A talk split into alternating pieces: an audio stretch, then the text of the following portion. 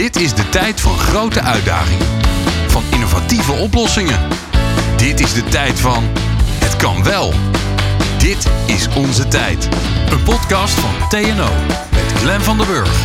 De zon geeft ons gratis meer energie dan wij nodig hebben. We zetten dat nu al om in elektriciteit en warmte en we zijn op weg om fossiele brandstoffen te vervangen. Op weg naar een mooie, schone toekomst. Maar hoe ziet die toekomst eruit? Waar plaatsen we de zonnepanelen? Hebben we daar eigenlijk wel genoeg ruimte voor? En van welke materialen maken die panelen? En waar worden ze dan eigenlijk geproduceerd? Doen we dat ergens ver weg? Of moeten we dat misschien wel weer gewoon in de buurt doen? Samen met twee experts nemen we een kijkje in de toekomst van zonne-energie. Te gast zijn Wiep Volkerts, hij is programmamanager zonne-energie bij TNO. En Jan-Jaap van Os, medeoprichter en Chief Technology Officer bij Exasun. Fijn dat je luistert. Dit is onze tijd. Een podcast van TNO. Nou, Wiep en Jan-Jaap, fijn dat jullie er zijn. Uh, belangrijk onderwerp, ook een onderwerp wat lekker tastbaar is. Want we zien het al overal om ons heen eigenlijk. Hè? Zonnepanelen te over. Maar we gaan het natuurlijk wel over de toekomst hebben. Maar eerst ben ik benieuwd waarom jullie nou eigenlijk hier met dit onderwerp bezig houden. Waarom word je zo enthousiast van, ja, PV moet ik eigenlijk zeggen, hè, officieel? Ja, PV, zonne-energie. Ja, waarom, waarom, goed, hoor. waarom doe je dit vak? Waarom vind je dat zo leuk?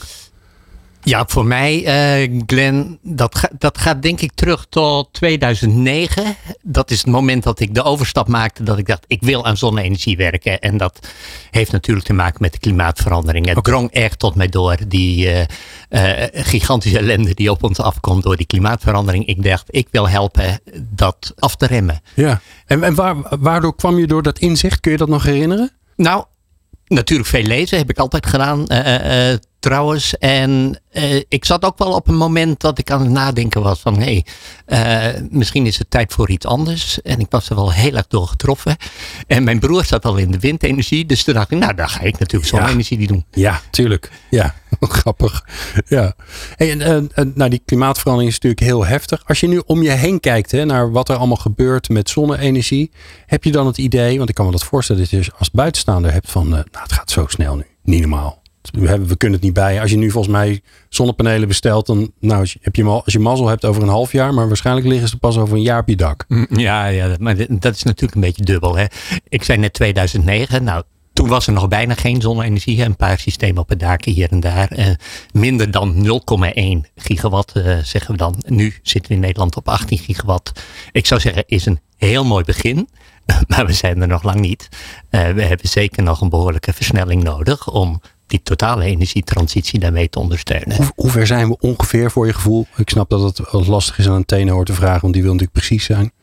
Maar doe, dan moest een percentage. Nou, ik denk dat we nog een uh, factor 10 meer moeten als we naar de situatie gaan waarbij de energietransitie compleet is. Ja. Dus helemaal duurzame energie hebben. En waarbij 25% van de energie door zonne-energie wordt opgewekt. Okay. Dan moeten we ten opzichte van nu nog een factor 10 meer.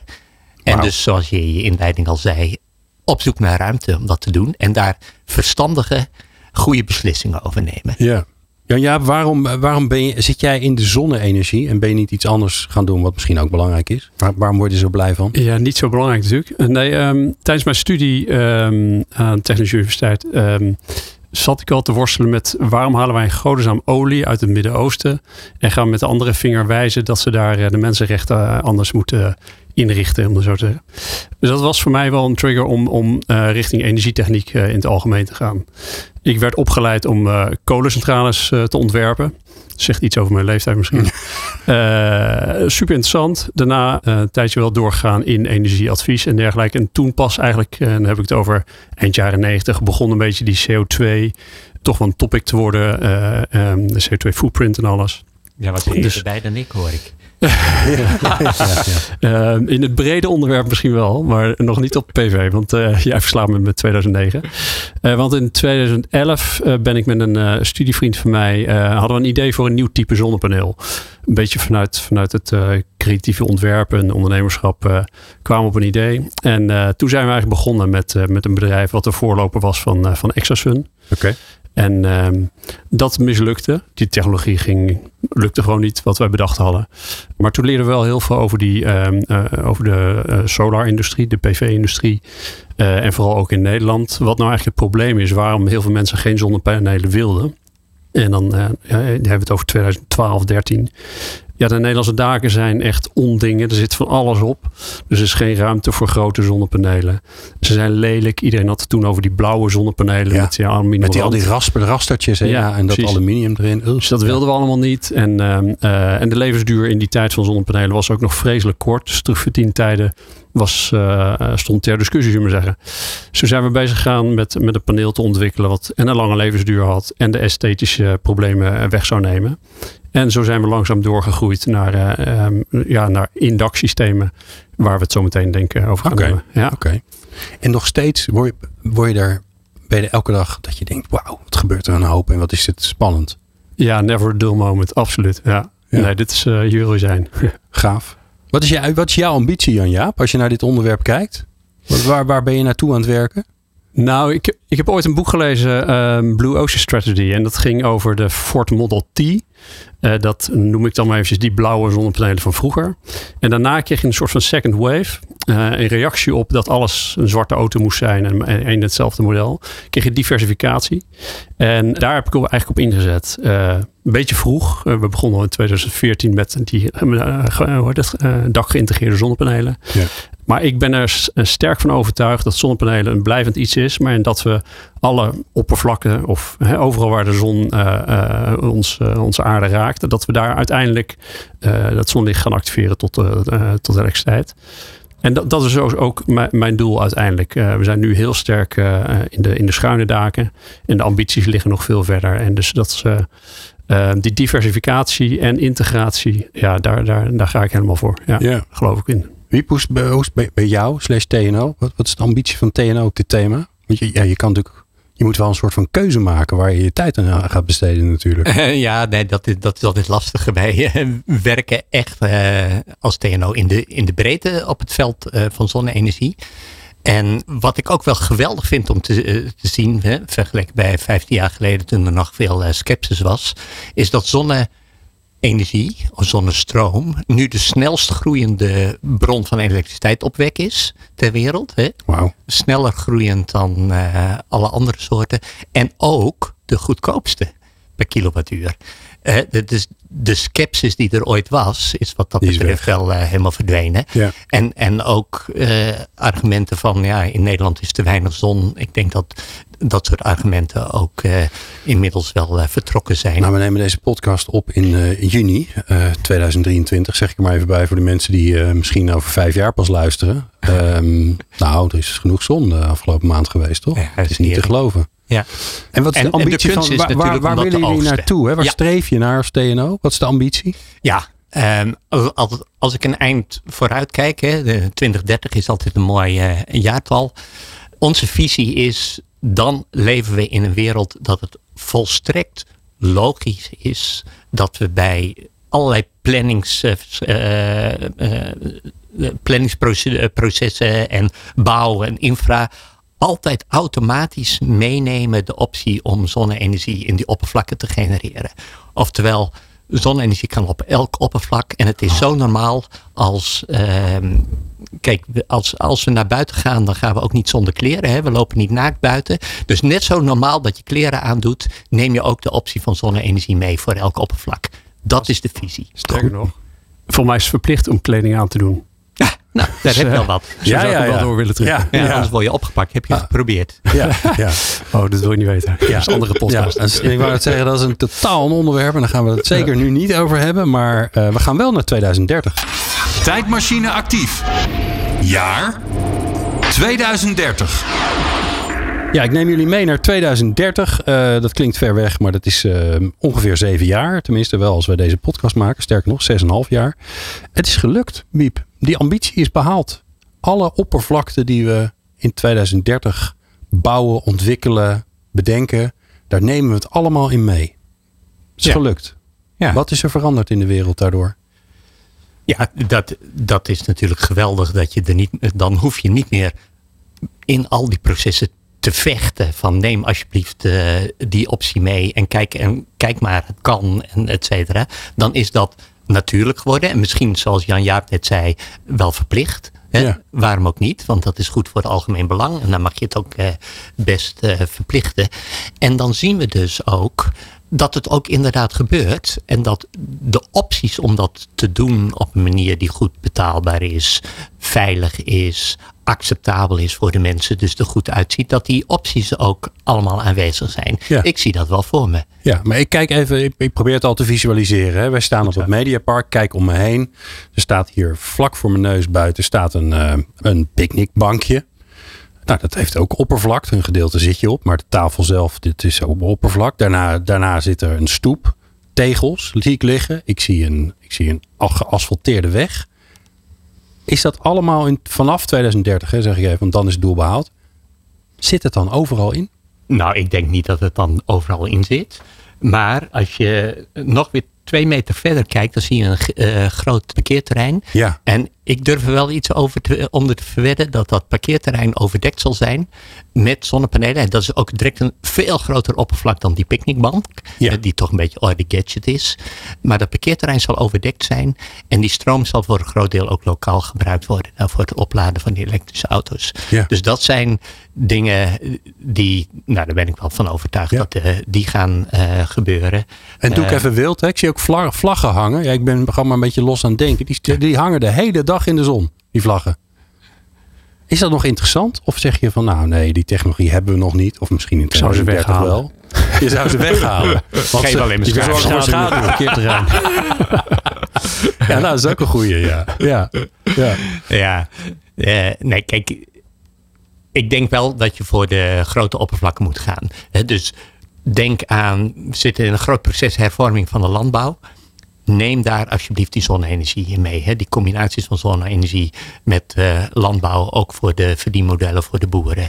Eh, grote infrastructurele Maar landbouw, projecten. ik denk dan, ja, als ik, als ik zonnepanelen op het grasland leg, wat volgens mij het grootste gedeelte van Nederland is eh, nog steeds weideland. Ja. Ja, dan kunnen geen koeien lopen. Of, Nee, maar je kan wel Kan. goede, goede combinaties maken met, eh, met verticale eh, panelen of met kijk, de, eh, eh, overdekkingen van, eh, laten we zeggen, hagelgevoelige gewassen zoals eh frambozen en bessen, eh, Oké. et cetera. Allemaal dat soort dingen. In plaats van kassen of overde- overkappingen met plastic, want die zie je natuurlijk ook wel regelmatig, doen we er gewoon zonnepanelen of zonnefolie over. Ja, Oké. De- Nou, ik denk dat als je naar weilanden kijkt en we zetten die vol met zo'n eh gegolfd landschap van zonnepanelen, eh, dan is het eigenlijk meer een industrieel karakter geworden. Dan hebben we ook nog wel wat andere problemen in Nederland, die we dan daar misschien onder zouden kunnen schuiven, zoals een woningbouw. Dus ja, be- bedenk nou dat we al die oppervlakte anders gaan inzetten dan, eh, dan agri. Ja, dan kun je daar dus ook woningbouw gaan plegen. Ja. Ik weet dat is een moeilijk punt in, in, de, in de brede discussie. Maar eh er dan maar zonnepanelen neerleggen, vind, vind ik persoonlijk dan een, een te, te simpele stap. Voor mij kun je de, de problemen die we in de maatschappij hebben Ja. wat, wat breder aanvliegen. En zijn ze op die manier ook goed oplosbaar. Ja, want we hebben Ja. ook nog iets van 900.000 woningen te bouwen, toch? In de komende Precies. jaren. Gooi ze vol met zonnepanelen. ik wou Dan zeggen, hebben die weilanden niet nodig. Ja. Nee, maar de, op zich ben ik het wel met je eens. Maar ik denk dat je vanwege de benodigde snelheid eh, beide moet doen. Dus ik zeg zeker Nee, eens hoor, niet eens. eh, Ja. dat we eh, hele grote delen van het agrarisch land gaan omzetten. Maar je kan het meenemen in het planningsproces. Ja. En in de meeste scenario's van de verschillende snelheden op gebouwen, op infra, op land en op water. ben je met 1% van het agrarisch land ben je eigenlijk al klaar. Ja. Met Nee, 1% het is, ben je al klaar? In die mix eh, van, eh, van toepassingen die ik eh zei om de totale energietransitie te doen in Nederland. Ja, Hey, en even, want we zijn in 2030. Dus ja. Ja. bedoel, er is sinds 2023 zeven jaar ontwikkeling geweest. Volgens mij gaat die ontwikkeling redelijk exponentieel met, met zonnepanelen. Dus we, we mogen ook best wel wat verwachten. Nu zetten we die zonnepanelen vooral, vooral nog ergens op. En zijn het ook panelen. Maar hebben we tegen die tijd, zit het ook gewoon in dingen? Zit het in glas bijvoorbeeld? Waar je gewoon doorheen kan kijken, waar wij niet eens door hebben. Er zijn, glas is natuurlijk mega veel oppervlakken ook. ja, nee, het is ehm, eh, sterk nog, eh, het is er al. Dus eh, Het is er al. eh, de vraag die je er straks stelt van eh, hoe ziet de wereld eruit? Nou, het is niet dat we het al het asfalt bijvoorbeeld hebben vervangen, eh, wat we net bedoelden, maar het is natuurlijk wel, ehm, eh, de technologie is er. We zijn hard bezig om al die technologieën voor integratie van, van eh, PV-technologie. PV in asfalt bestaat ook al. Ja, de- er is al een TNO heeft een mooi project daar in het verleden al gedaan, eh, als ik het goed zeg. En ehm, een fietspad zelfs Ja. ook. Klinkt ook En- zo logisch. Hè? Het ding Ja. is al zwart. Maar bijvoorbeeld, ja, wij produceren zelf dan eh dakpan vervangende zonnepanelen. Dus um, dan heb je een, gelijk ook een duurzaamheidsbesparing. Want je hoeft geen klei meer af te bakken in de, uh, in gasovens, zullen we zeggen. Ja. Dus dat heb je al te pakken. En, en dan heb je bijna uh, zonnepanelen CO2-neutraal liggen, bij wijze van spreken. En het ziet er gezellig uit, wat wij natuurlijk ook belangrijk vinden. Het ziet er chic uit, ja. ja. En het heeft dan ook de levensduur die we verwachten van een dakpan. Dus het moet niet van dat, van dat. Want we hadden net ook eens even over de 2030, uh, hoeveel uh, gigawatten we wel niet neer moeten leggen. Um, dat is om zeg maar CO2-neutraal. Maar vervolgens ontstaat er een markt waarbij we dus ook een vervangingsindustrie uh, gaan krijgen. En die zal niet, niet mis zijn. Dus de hoeveelheden die wij moeten gaan produceren met z'n allen is behoorlijk. Nou, dan moet je, wil je dus daar eigenlijk dat levensduur van de zonnepanelen langer wordt. Uh, en, zeker als je ze gaat integreren in gebouwen bijvoorbeeld of in wegen. Wil je niet iedere tien jaar circulair gemaakt worden. Want ja, voorlopig plakken we alles aan elkaar volgens mij met de zonnepanelen. Ja, dat is denk ik de grote, grote uitdaging die, eh, die voor ons ligt. En daar zijn we samen met TNO naartoe een aantal innovatieprojecten lopen. Hoe krijgen we de schaarse materialen of de vervuilende materialen uit die zonnepanelen? Kunnen we andere type zonnepanelen gaan maken? Zonder afbreuk te doen aan de efficiëntie, de opbrengst. Die moet sterker nog, die moet omhoog. Ja. Um, uh, dan wel de levensduur uh, te verkorten. Ja, nee, want dat hoor je natuurlijk ook, uh, Wiep. Dat, je, dat er gezegd wordt, ja, zonnepanelen zijn prachtig en het gaat hartstikke goed. En het is een mooie, schone vorm van energie. Het nadeel is dat er allerlei elementen en materialen in zitten die niet oneindig voorradig zijn. Dus het is uiteindelijk toch geen oplossing. ja, nou, dat is uh, slechts voor een heel klein beetje waar. Het grootste bestanddelen van zonnepanelen zijn uh, silicium. Nou, dat is oneindig uh, Ja, dan maak je van zand Dan maak je van zand, ja, glas, et cetera. Dus ik denk dat dat op zich heel erg meevalt. En dat neemt niet weg dat je moet blijven streven. En daar hebben we ook een programma op lopen. Hè, zoals Jan Jaap al zei, naar 100% circulaire zonnepanelen. En ik denk ook dat dat uh, mogelijk is. We zijn een mooi eindje op weg. Ja. Ik neem jullie terug naar vandaag. Tijdmachine actief. Terug naar nu. Ja, we zijn weer terug in 2023. Dat is fijn, want ik voelde me toch een beetje oud uh, over zeven jaar. Ik ben nu weer helemaal fit en gezond en zo. Dat is wel fijn. Uh, wat zijn, de, wat zijn de, de leukste, spannendste ontwikkelingen die je nu al ziet? Hè? Want 2030, we hebben net even gekeken waar we willen zijn. Ja, wat, wat zie je nu al gebeuren waardoor je zegt, ja, dat, dat geeft toch aan dat het niet een mooie droom is die we net geschetst hebben. Maar dat geeft aan dat het eigenlijk een soort voortborduren is en wat er nu al gebeurt. Wiep, waar, waar, waar, welke ontwikkeling word jij zelf enthousiast van? Ja, kijk, op TNO pakken we echt wel die rol van innovatiemotor. Hè? Dus alles wat ik zeg, doen we altijd samen uh, met bedrijven. En als ik dan de dingen zie die, uh, die nu gebeuren, en dat, dat zijn eigenlijk wel elk jaar weer nieuwe highlights. Hè? Dan, dan, dan zie ik dat uh, we hele mooie voorbeeldprojecten neergezet hebben. Bijvoorbeeld geluidsscherm helemaal mooi geïntegreerd met zonne-energie, waarbij je laat zien dat het inderdaad gewoon kan, zowel technisch als acceptabel als Wat maakt dat voor, voor, voor zeg maar niet experts? Hè? Want ik vind dat zo'n logische plek, een ja, geluidsscherm. hè? Hè? Het is veel oppervlak. Ja. Maakt niet zo heel veel uit. Het hoeft niet heel mooi te zijn. Geluidsscherm is per definitie bijna niet mooi. Ja. Waarom is dat toch ingewikkeld? Ja, dat heeft met een aantal dingen te maken. Veranderingen gaan bijna per definitie langzaam. Ja, Dat zit in de aard van het beestje of in de aard van de mens. Um, dus het is ook een beetje frappé toujours. Hè. Je moet het gewoon steeds op, opwijzen en gewoon laten zien. En het beste wat je kan doen, uh, zeker, uh, is in, in zo'n innovatieomgeving, is het laten zien. En, en blijven proberen dat balletje aan het rollen te, uh, te maken. Ja. Um, en dan gaan ook die regeldingen en die juridische dingen, die gaan op een gegeven moment ook, ook rollen. Want steeds meer mensen gaan dan zeggen van, oh, maar het is toch raar dat we dat niet standaard doen. En dan, dan zijn we dus eigenlijk ook weer bij dat beeld van 2030. dat ik zeg van, ja, dan is het zo normaal geworden eh, dat we dat soort vragen niet meer stellen, want we doen het gewoon. Ja. Ja. ja. En dat geldt ook voor dit voorbeeld. Ja. Jan-Jaap, mooie ontwikkeling waarvan je ziet, ja, als ik dat doortrek, dan is 2030 is helemaal niet een uh, gekke droom. Dat gaat gewoon gebeuren. Nee, we, waar, wij, uh, waar we mee bezig zijn is uh, om te kijken of we dat dak van die woning gewoon alle energie die nodig is daar vanaf kunnen halen. Dus uh, we stipten al warmte aan in een eerder stuk. Daar hebben we nu een product voor ontwikkeld. Ja, dat, dat... Voor warmte, want als ik naar mijn eigen dak kijk, daar liggen nog geen zonnepanelen op, want ik heb een monumentale woning, dus dat is allemaal ingewikkeld. Er staat wel op een of andere manier een zonnecollector op voor warm water. Ja. Maar die, die combinatie is natuurlijk super interessant. Ja, al worden heel veel misconcepties nog eh, ook, ook door techneuten gemaakt in, in dit. Uh, uh, ik ben daar in 96 op afgestudeerd, notabene, uh, energieopslag in de bodem en zo. Het gaat om dat de warmtevraag winters is en de elektriciteitsvraag ja. eigenlijk, nou notabene, een piek kan hebben als je airco hebt in de zomer, maar een beetje verdeeld is over het hele jaar. Ja. Terwijl het aanbod van dat zonlicht, wat uiteindelijk ook warmte moet worden, natuurlijk significant minder is. Dus je moet zorgen dat je daar een slimme combinatie van maakt. Um, nou, die is er. Daar hebben we de eerste paar woningen mee uh, gedaan met een van de grote aannemers in Nederland. Dat ziet er gaaf uit. En daar, daar, daar sta ik ochtends voor op. Voor dat soort ja, uh, het, toepassingen die wij met TNO dan uh, ontwikkelen. En die wij uiteindelijk dan kunnen integreren in de woningbouw in Nederland. en dan hebben we het nu over schuine daken. En datzelfde kun je voor gevels gaan, ja. gaan doen. En Ja. Dus dan energie in de breedste zin van het woord. Dus even die oogkleppen van, van solar af, uh, dat we elektriciteit produceren. Nee, we hebben er gewoon een energievraagstuk op te lossen. Plus alle uh, randvoorwaardelijkheid als esthetiek, regelgeving, veiligheid. Die moet je gewoon integraal oplossen.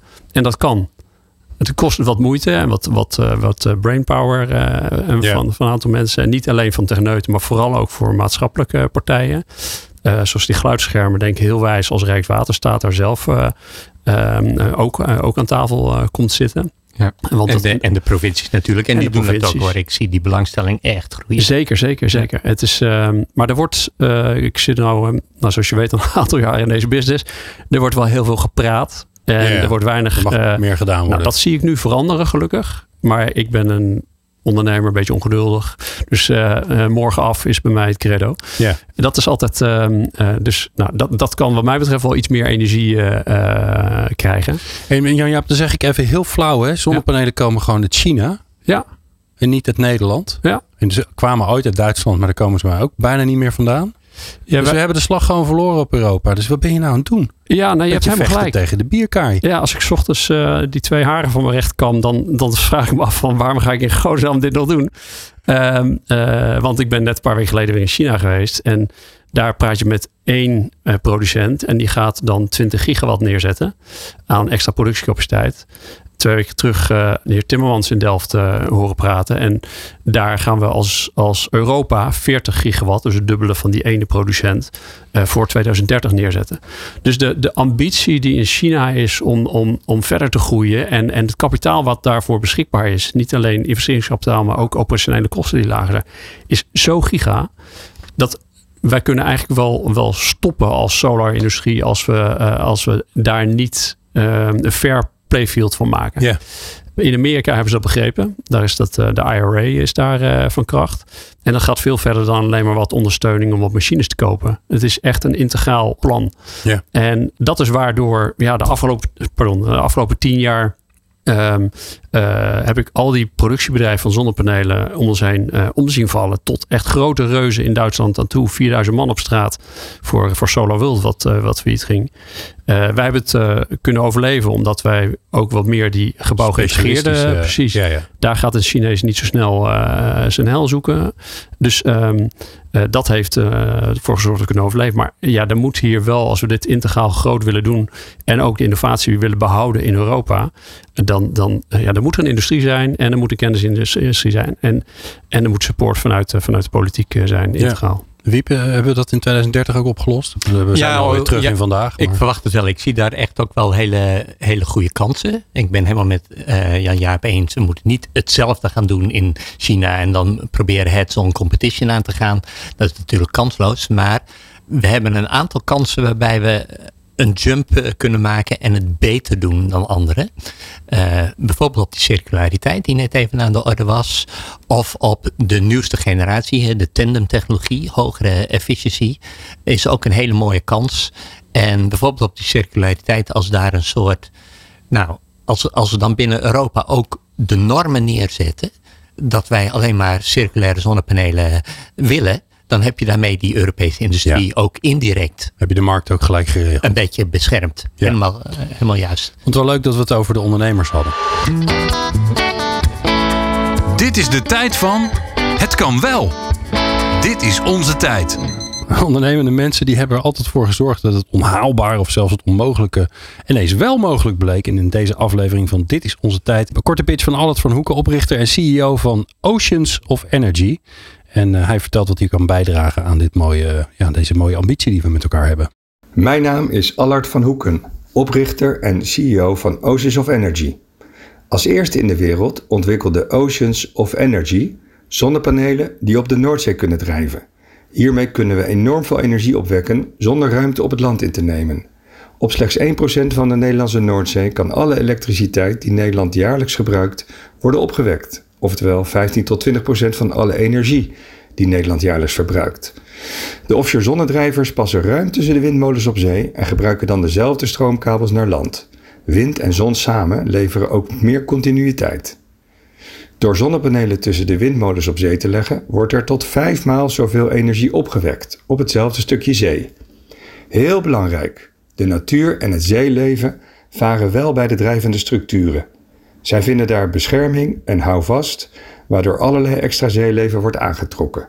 Dit blijven we natuurlijk goed monitoren tijdens de uitrol de komende jaren. Ja, die had ik, uh, die had ik zelf nog niet bedacht, moet ik je eerlijk zeggen, Wiep. Ja, ja die, die, ik zie die, uh, die enorme. Want die, ook die windmolens worden natuurlijk steeds groter. Die zie ik staan. Die moeten een ja. stuk van elkaar staan. Maar ja, daar ja, zit heel veel zee tussen. Ja. Tot vijf keer zoveel energie. Wauw. Ja, nou, kijk, uh, Oceans of Energy, daar heb ik zeer uh, bewondering voor. is echt een van de pioniers voor uh, zonne-energie op zee. Als TNO zijn we ongeveer in 2016 begonnen met drijvende zonne-energie. Eerst op binnenwater. En daar lopen we in Nederland mee voorop in Europa. Inmiddels 230 megawatt. Je, dat is echt een mooie, mooie hoeveelheid. Zonne-energie op zee is eigenlijk een logische volgende stap. Ja. Uh, het is niet makkelijk. Uh, dus uh, dat er mensen zijn met ondernemersdrift, zoals Allard van Hoeken, die daarmee aan de slag gaan. En daar, dat, dat is en, heel bewonderenswaardig. En ik ben ook overtuigd dat dat gaat lukken. Ja. 2030 is heel dichtbij, dus we hebben best wel haast. De tijd tikt. Is onze tijd. Ja, de tijd tikt. Um, en dat zorgt ervoor dat we haast hebben uh, met z'n allen. Uh, zeker als je ziet, nou ja, Wiep zei het al even aan het begin. Als je ziet wat er op ons afkomt met uh, de hele klimaatverandering en hoe heftig dat gaat worden. Dan hebben we best wel vaart moeten achter. En we gaan al hard, maar we moeten eigenlijk nog veel harder. Wat we elke aflevering doen, is dat we aan een uh, young professional vragen om een vraag te stellen over het thema. En in dit geval natuurlijk gaat het over uh, ja, de, de prachtige ambitie om alle oppervlakte uh, in Nederland, vaak in de hele wereld, te voorzien van, van zonnecellen. Te zorgen dat, dat dat energie oplevert. Dus laten we even vragen, luisteren naar de vraag van Sanne van den Broek. Hi, mijn naam is Sanne van den Broek en ik studeer de Master Sustainable Energy Technology aan de TU Delft. Momenteel ben ik bezig met mijn afstuuropdracht bij TNO Solar Energy. En in mijn onderzoek ben ik bezig met het modelleren van dynamische schaduweffecten die voorkomen bij zonnepanelen geïntegreerd in voertuigen en vooral die rijden. Want dit zijn vooral schaduwen die ontstaan door omliggende bomen, gebouwen, etc. En ik kijk hierbij naar wat er van de zonneinstraling verloren is gegaan door de omgevings- en routes te modelleren. Een groot voordeel aan zon geïntegreerd in auto's is dat je tot op een zekere hoogte minder afhankelijk bent van het elektriciteitsnet, gezien je de energieopwekking direct kan benutten en het dus niet nog eerst via het net hoeft. Met het probleem van netcongestie wat nu speelt, ben ik benieuwd of deze directe teruglevering voor zonnepanelen geïntegreerd in daken en gebouwen ook werkt en of dit wel voordelig is. Ik ben heel benieuwd en hoor het graag. Dank jullie wel. Ja, ja, opwek. Nou ja, Jan-Jaap, eh, dat, is jouw, dat is jouw ding hè? Ja. Opwek daar waar het gebruikt wordt. Dat is natuurlijk het fijnste wat er is. Want als je het niet transporteert, dan heb je ook geen verlies. En sterker nog, dan heb je niet al die dikke kabels nodig. Ja. Maar en, ja. Eh, en niet te vergeten op het moment dat het nodig is. Oké. Dus ja. uh, nee, helemaal voor ook gaaf waar zij mee bezig is. Dat je dus een route kunt kiezen wat de meeste zon op je dak geeft in je auto. Dat je het verste komt. Maar eh, helemaal, helemaal eens. Eh, op het moment dat we industrie, woningbouw, zoveel mogelijk energie opwek daar realiseren. Uh, belast je het net natuurlijk een heel stuk minder. wat er dan nog, nog aan piek opwek over is, zou je het net opgooien. Ook daar moet je zorgen dat je daar ehm, regels voor hebt. Dus dat je dat kunt remmen. En dat, er, dat je stimuleert dat er, dat er opslag komt lokaal. Uh, maar je moet veel meer in, in kleine microgrids gaan denken dan, dan dat, dat Nederland met ja. z'n allen aan één groot netwerk zit. Wat nu niet mag, hè? Nee, ja, daar, daar zijn, zijn ook weer regelgevingen wat belemmert dat daar, daar uh, verdere innovatie uh, plaatsvindt of, of problemen opgelost worden. Ja. Dus de, die zul je moeten beslechten. Maar laten we wel zijn, dit is ook geen nieuw probleem. Hè. Toen ik in 2011 begon, hebben we het hier al over gehad met Liander ja. uh, in, in een congresje. En dat dit misschien wel het belangrijkste probleem is. De distributie van energie is een groter probleem dan de opwek. Want anders hadden we de Sahara wel volgezet. Ja. Dus ja, en vandaag de dag komt het nog steeds, uh, steeds terug. Het is, uh, snelheid is geboden. En, maar ik hoor je ook zeggen, um, um, zo'n huis, uh, zeker de nieuwe huizen die in 2030 gebouwd gaan worden, die worden veel meer een soort integraal systeem waarbij opwek, opslag, gebruik, verbruik met intelligentie daarin. Nu is nu ik, zeker als ik nou, kijk wat er nu gebeurt. Nu wordt er, worden er gewoon zonnepanelen op een dak geplakt. En dan wordt, je, en er wordt, wordt aangesloten op het bestaande uh, netwerk wat je in het huis hebt en de, de lijn naar buiten. En dat is het dan wel. Ja. dat, is niet, dat is niet zo heel slim. Daar zit niet zoveel slimmigheid in. Nou ja, kijk, de, de slimmigheid zit hem in de regelgeving dat we een terugleververgoeding hebben. Dus dat we het net kunnen gebruiken als een accu. Ja. Dat is om te stimuleren dat zonnepanelen er initieel zouden komen. In Duitsland zijn ze wat verder dan wij. Dus op een gegeven moment zijn ze daar juist weer met, met uh, financiële prikkels gekomen. Dat iedereen uh, accu's uh, in zijn huis gaat, gaat nemen. Nou, dat, daar, zover zijn we in Nederland om een of andere reden nog niet. En daarbovenop zou je natuurlijk, uh, ja, we hebben rijdende accu's. Zorg nou dat die dan ook uh, ontladen kunnen worden uh, weer terug naar de woning toe. Dat is niet bij alle auto's zomaar toestaan. De leveranciers schakelen dat dan dicht. Dat zou je eigenlijk ook een, een, ja, een standaard feature moeten zijn bij auto's, lijkt mij. Ja, dus, Kortom, er valt ook nog een hoop aan elkaar te knopen. Ja, nog sterker. Ik, ik, ik geloof ook helemaal niet dat uh, ieder huis zijn eigen uh, batterij, dat dat uh, de oplossing is. Dan weet je zeker dat je met z'n allen als, als energiesysteem veel te duur uit bent. Hè? Primair is stabiliteit van het net de verantwoordelijkheid van de, de netbeheerders. in minigrids kan je wel dingen doen als je al een elektrische auto hebt, dan heb je daar een stuk opslag. Dus die kan je veel slimmer gebruiken. Maar elk huis zijn eigen batterij, dan zijn we met z'n allen erg duur uit. Dus ja, dat, die eh, batterij zal de meeste, toch een groot gedeelte van de tijd niet zoveel doen. Net zo goed als de meeste van de tijd je auto niks staat te doen. Dat is Bovendien is die kleinschaligheid per definitie gewoon te duur. Ja. ja. de vraag is of uh, kostprijs uh, rechtvaardigt dat we heel lang gaan wachten op een integrale oplossing. Dus uh, uiteindelijk zijn we als maatschappij denk ik duurder uit als we gaan wachten tot ons net um, de juiste oplossing heeft bedacht. Ja, dus utility scale, dus grote zonneparken met batterij zijn goedkoper qua kilowattuurprijs vergeleken bijvoorbeeld met hoe het nu is met uh, voor, de, voor de piek uh, belasting gascentrales die plotseling even snel moeten aanzetten. Dan is het goedkoper en dat moeten we dus ook doen om de grote zonneparken, de utility scale zonneparken ook van batterijen te voorzien. Um, dat is goed, daar kunnen we nog een tijdje over discussiëren. Maar dat is, uh, zoals ik het uh, zie, ook op basis van uh, ja, economische maar, maar dat, dat, is weer de kostprijs. Dus, en, en dat ja. ben ik met je eens hoor. Die grote parken, daar, daar moet je een buffer tussen, tussen zetten. Want die staan vaak ook ver van het, van het echte netwerk af. Hè. Dat is een terrein van een boer. Had vroeger een, een peertje in zijn woonkamer hangen en that's it. Dus dat is de grootte van de kabel. En nu zit er een windmolen voor zonnepark op. Dus dat kost heel veel geld om dat aan te sluiten. Dus daar moet je slim mee omgaan met buffering. Helemaal eens. Ja. Alleen de kortste slag. En uh, waarbij we de kosten ook uh, maximaal verdelen in het land.